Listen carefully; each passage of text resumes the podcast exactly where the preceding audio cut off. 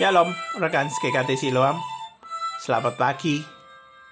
Mari kita sama-sama memikirkan bagaimana di tengah minggu ini kita boleh merenungkan bagian firman Tuhan. Mari kita berdoa dan kemudian kita renungkan bagian firman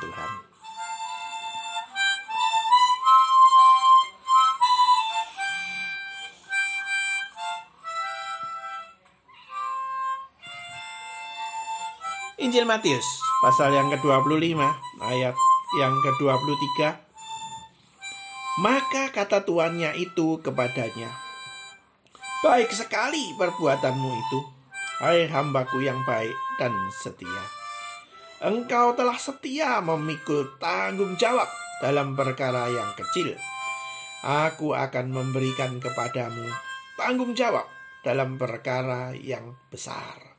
Masuklah dan turutlah dalam kebahagiaan Tuhanmu. Ayat ini adalah konklusi daripada perumpamaan talenta. Orang yang diberikan lima talenta berkembang jadi sepuluh talenta. Sama dengan dua talenta berkembang jadi empat talenta. Dipuji dengan pujian yang sama. Karena itu mari kita sama-sama melihat talenta kita apa sih talenta kita dan berapa? Dan itu pun tidak perlu kita perpikirkan jumlahnya bentuknya tetapi yang penting kita karyakan semuanya di dalam kehidupan kita. Talenta bisa berarti keuangan kita bisa berarti kepandaian kita bisa berarti uh, hikmat bisa berarti tenaga kita. Mari kita karyakan untuk kemuliaan nama Tuhan. Ada kesaksian dari uh, misionaris mungkin Hendra Ray di sini dia mengatakan di satu kota uh, di depan rumahnya ada seorang yang namanya Xiaohu ya. Orang ini begitu baiknya dia adalah ibu rumah tangga. Dia kerja sebagai pembantu rumah tangga dengan perjalanan jauh 4 km jalan kaki. Tetapi sampai di rumah Pak sore masih sempat membantu para tetangganya, termasuk dia. Dan tidak main-main membantu dengan sepenuh hati. Apa pun yang perlu dibantu. Luar biasa sekali, ya. Bagaimana mungkin sudah capek masih membantu tetangga, masih membantu orang lain dan hari Minggu pun masih uh, melayani Tuhan. Ternyata dia juga uh, pemimpin daripada gereja rumah di sana dan seluruh jemaatnya, tetangga-tetangganya, semua adalah dosen-dosen dan mahasiswa-mahasiswa. Dia membantu rumah tangga, tetapi dia bisa mengelola, bisa memimpin dengan baik, dan semua orang menghormati dia. Kenapa? Karena dia sungguh-sungguh menggunakan talenta yang dia punya dengan sepenuh hati, dengan semaksimal mungkin. Nah, bagaimana dengan kita? Bagaimana dengan kita sebagai jemaat? Sebagai anggota GKT, sebagai orang percaya, sebagai orang Kristen.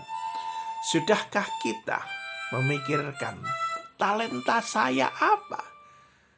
Karunia saya apa? Kemampuan saya apa?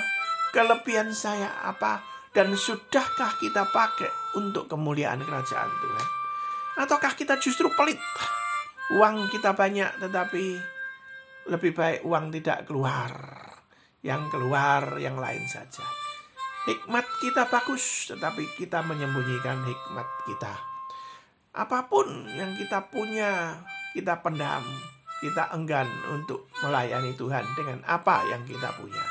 Justru kita cari yang tidak kita punya dan kita bayangkan yang tidak kita punya untuk melayani Tuhan. Mari kita melayani Tuhan dengan apa yang kita punya.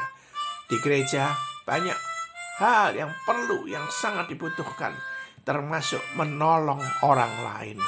Menolong orang lain dalam diakonia, menyokong orang lain dalam keuangan, menyokong orang lain dalam doa, dalam perhatian, menyokong orang lain di dalam perhatian firman.